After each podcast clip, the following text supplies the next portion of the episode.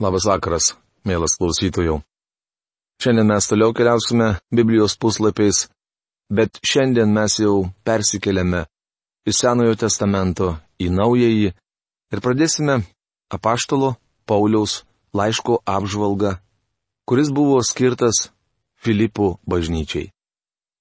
Prieš pradėdamas apžvalgą norėčiau paprašyti Dievo vedimo.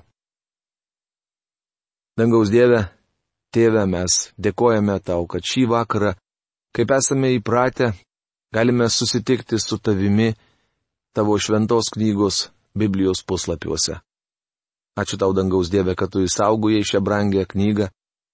Ir ačiū tau, kad šiandien sudarai nuostabes sąlygas mums skaityti, studijuoti ir netgi šauktis tavęs Dieve radio eteryje.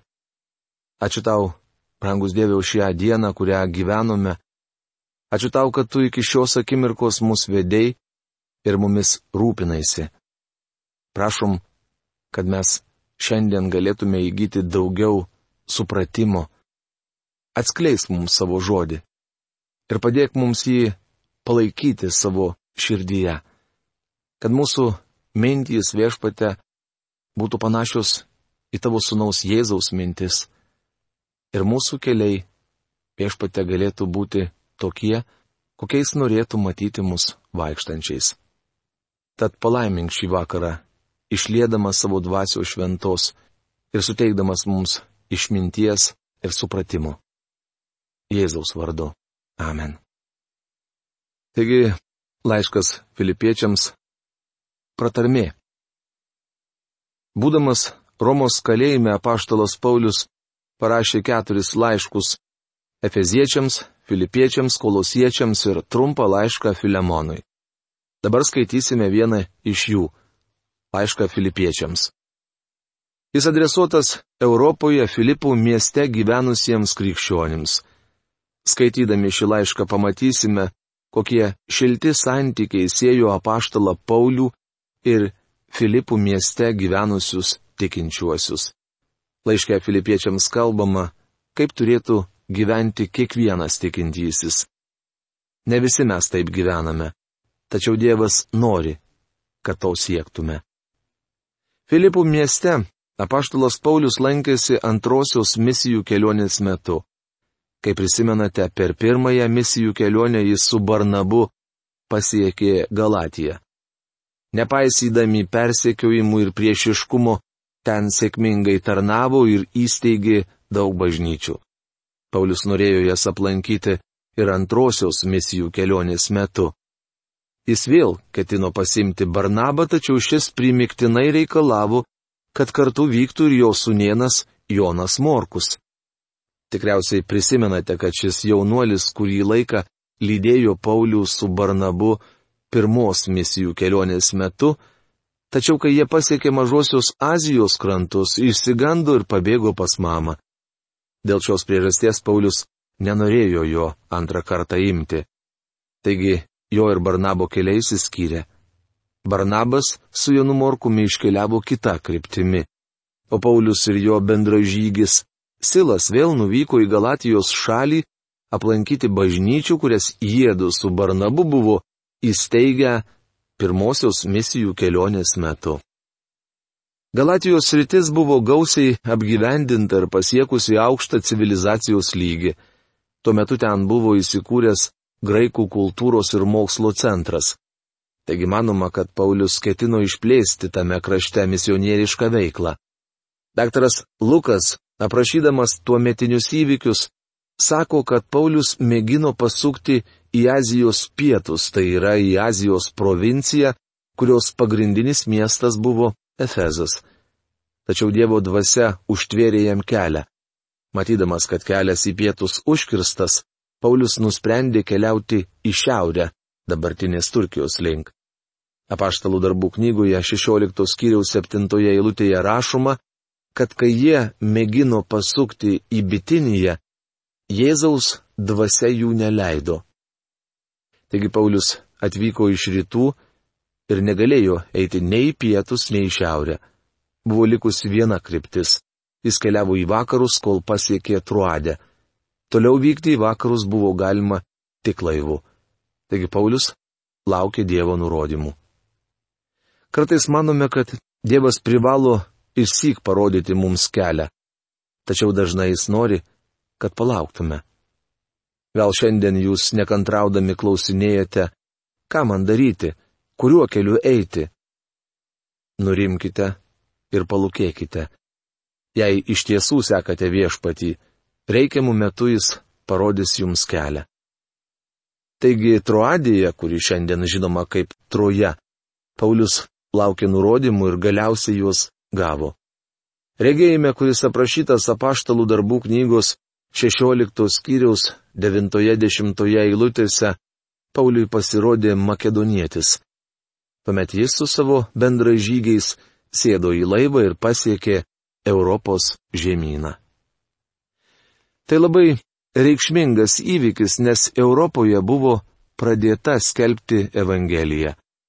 Esu už tai dėkingas Dievui, nes tuo metu Europoje gyveno mano protėviai.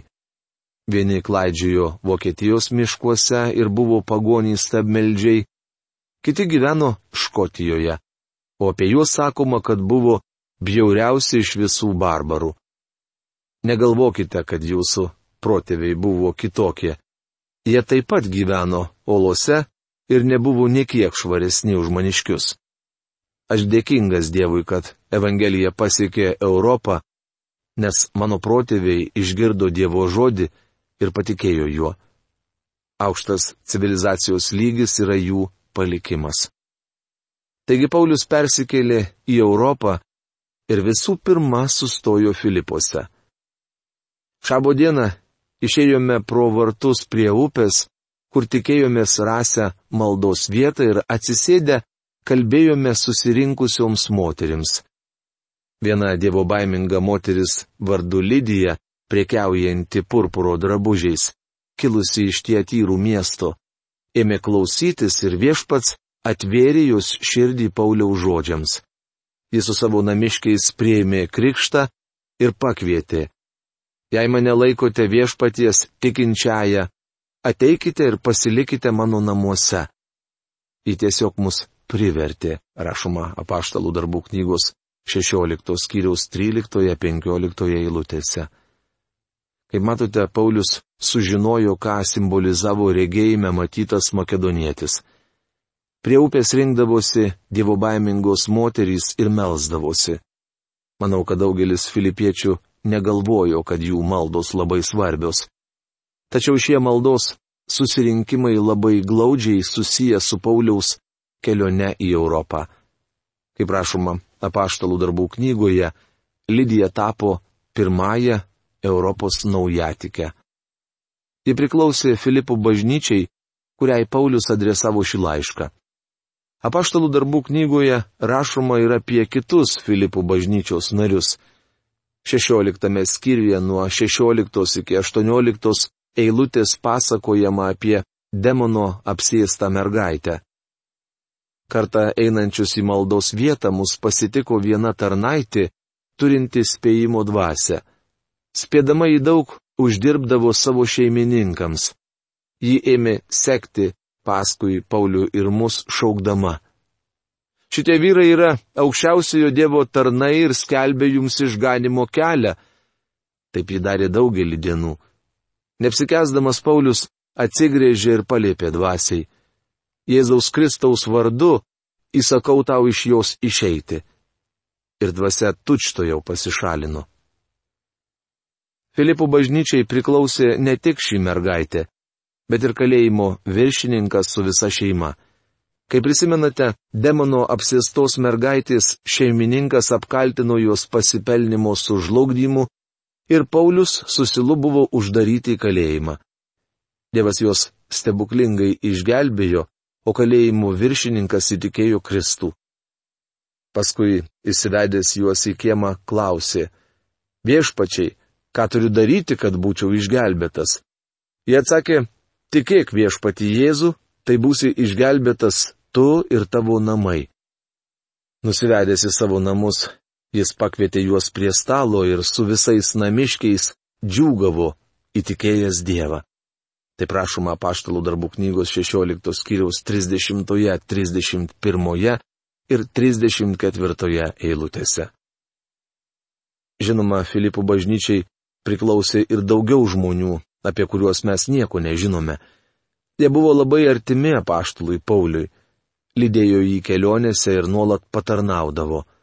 Tačiau kai Paulius Jeruzalėje buvo suimtas, filipiečiai dviejus metus nieko apie jį nežinojo. Galiausiai paaiškėjo, kad Paulius įkalintas Romoje.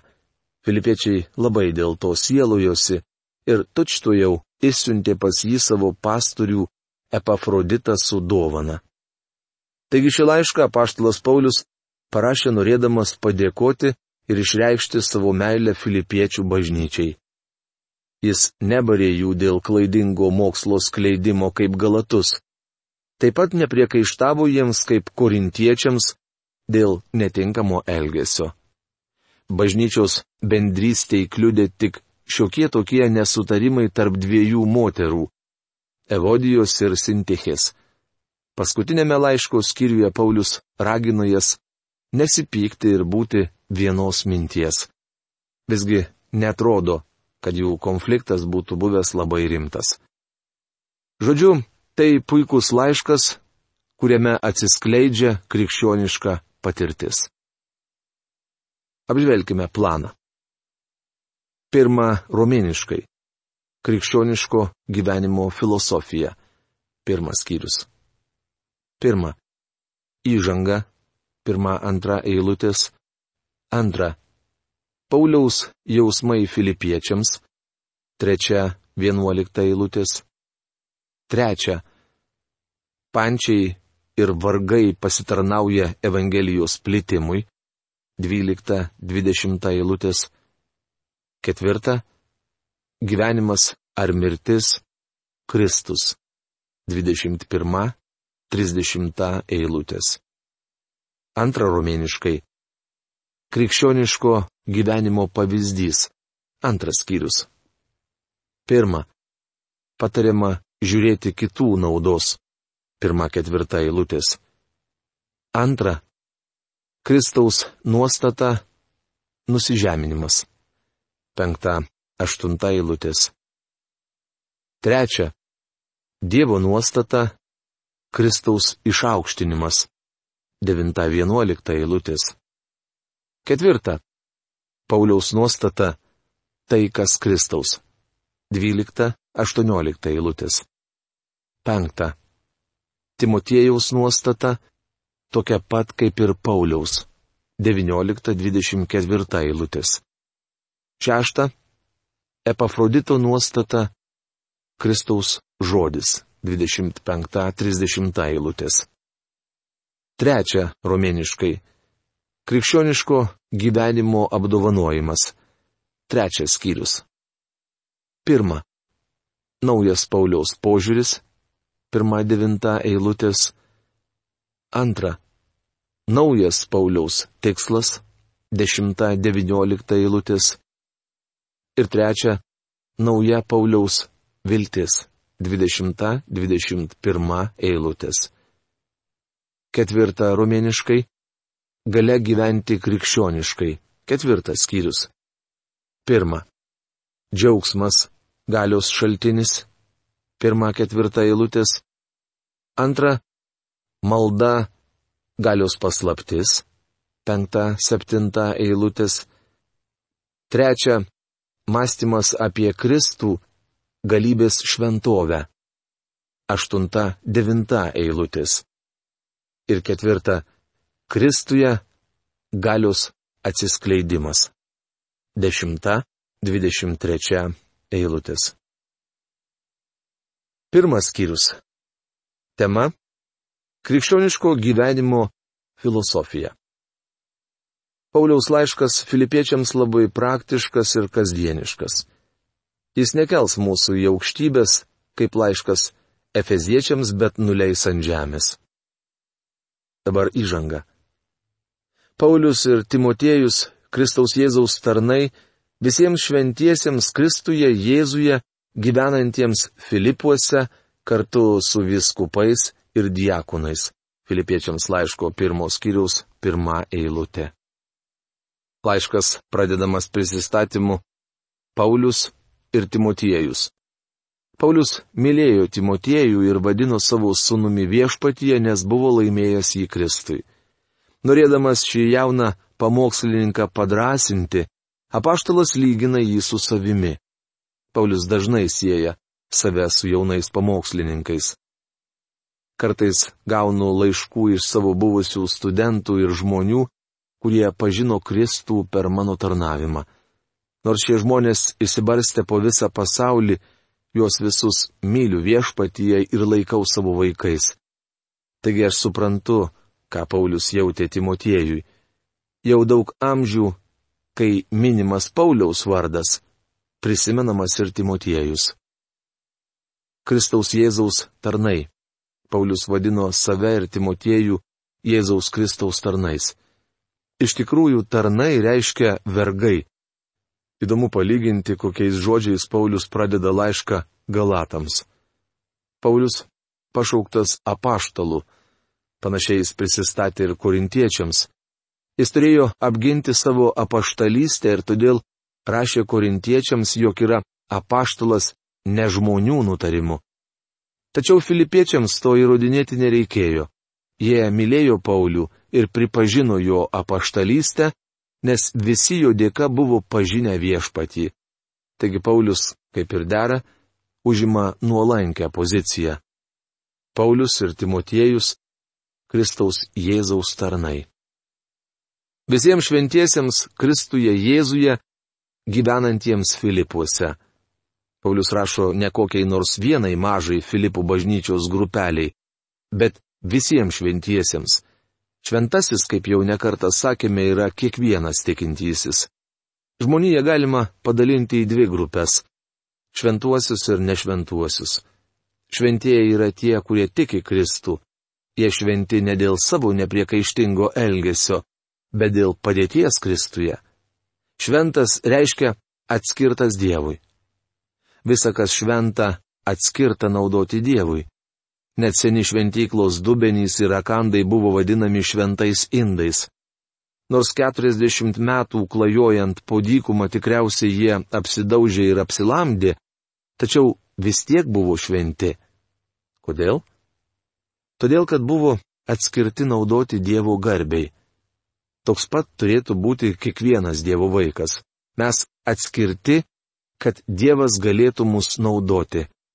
Bičiuli, jei nesate šventasis, tai jūs nešventasis. Šventieji yra Kristuje Jėzuje. Būti išgelbėtam reiškia būti Kristuje Jėzuje. Kai patikite viešpačiu Jėzumi, jumise apsigyvena Dievo dvasia, jį pakrikštyje jūs į Kristaus kūną, jos dėka tikintysis atsiduria Kristuje. Tikintieji, kuriems rašo Paulius, buvo Kristuje, bet gyveno Filipuose. Matote, visai nesvarbu, kur jūs gyvenate - Los Andželė, Vilniuje, Maskvoje ir Filipuose. Svarbiausia, kad būtumėte Kristuje. Manau, Kristuje yra svarbiausias Naujojo testamento žodis. Kartą paklausiau teologijos profesorių, ką reiškia būti išgelbėtam. Jis išdėstė man visą paskaitą. Kai baigė, buvau gerokai apsvaigęs nuo žodžių gausos. Jis aiškino tokius terminus kaip permaldavimas, sutaikinimas ir atpirkimas. Tai nuostabus bibliniai žodžiai, tačiau ne vienas iš jų nepriepia viso išgelbėjimo. Dievo dvasia, norėdama paaiškinti mums, kas yra išgelbėjimas, pasirinko trumpą į lietuvių kalbą neverčiamą prielinksnį, atsakantį į klausimus kur, kame. Mes sakome tiesiog Kristuje. Dar kartą pakartosiu, kad būti išgelbėtam reiškia būti Kristuje. Kaip mes atsidūrėme Kristuje? Primdami jį kaip savo gelbėtoje. Kartu su vyskupais ir diakonais. Atkreipkite dėmesį, kad apaštalas rašo vietiniai bažnyčiai, kuri turėjo vadovus. Vyskupas reiškia prižiūrėtojas arba ganytojas. Iš tikrųjų, žodis vyskupas apibūdina tarnystę, o vyresnysis yra žmogus, kuris šią tarnystę atlieka. Beje, jis turi būti dvasiškai subrendęs. Diekonai tai dvasios pripildyti pasišventę vyrai, atliekantys įprastus kasdienius darbus. Malonė jums ir ramybė nuo Dievo mūsų tėvo ir viešpaties Jėzaus Kristaus. Filipiečiams laiško pirmos kiriaus antra eilutė. Malonė jums ir ramybė. Taip Paulius sveikinasi visuose savo laiškuose ir niekuomet nekeisdamas žodžių tvarkos - malonė ir ramybė. Abu šie žodžiai Pauliaus dienomis buvo įprasti ir kasdieniški. Graikiškas žodis haris reiškiantis malonė buvo įprastas pasisveikinimas. Graikai ir šiandien jį tebe vartoja, linkėdami geros dienos. Tačiau Dievas jums linki geros amžinybės. Žmogus linkėdamas geros dienos nieko neprisideda, kad ji būtų gera. Tačiau maloningas Dievas pasirūpino, kad jums amžinybėje būtų gera. Ramybė visuomet ateina po malonės. Kitaip nebūna. Žodis malonė yra graikų kultūros išraiška, o ramybė - religinės ryties žodis. Sveikindamiesi ir linkėdami vienas kitam ramybės, hebrajai sakydavo šalom. Ramybės troškimą reiškia ir Jeruzalės pavadinimas. Hebrajiškas žodis Jeru šalom verčiamas ramybės miestas. Tačiau Jeruzalėje nuolat kariaujama ir niekada nebuvo ramybės. Dabar tai viena iš karščiausių pasaulio vietų ir niekas nežino, kaip šį konfliktą išspręsti. Norėčiau pasakyti, kad kol nesugrįž ramybės kunigaikštis, taikos ir ramybės nebus nei Jeruzalėje, nei visoje žemėje. Tačiau Dievo malonė tikintysis gali gyventi ramybėje. Taigi nuteisinti tikėjimu gyvename taikoje su Dievu per mūsų viešpatį Jėzų Kristų rašoma romiečiams laiško penktos skyriaus pirmoje eilutėje. Čia kalbama apie nusidėjėlio sutaikinimą su šventu Dievu per Kristaus mirtį ir prisikėlimą. Jis numirė už mus prisimdamas mums skirtą bausmę, todėl dabar Dievas iš savo malonės gali mus išgelbėti. Mes Dievui iš išgelbėjimą negalime nieko duoti. Ir tiesą sakant, neturime ko aš nesu jam nieko davęs išskyrus nuodėmę. Kristus prisijėmė bausmę už tą nuodėmę, kad šventas Dievas galėtų mane priimti. Jis gali priimti ir jūs.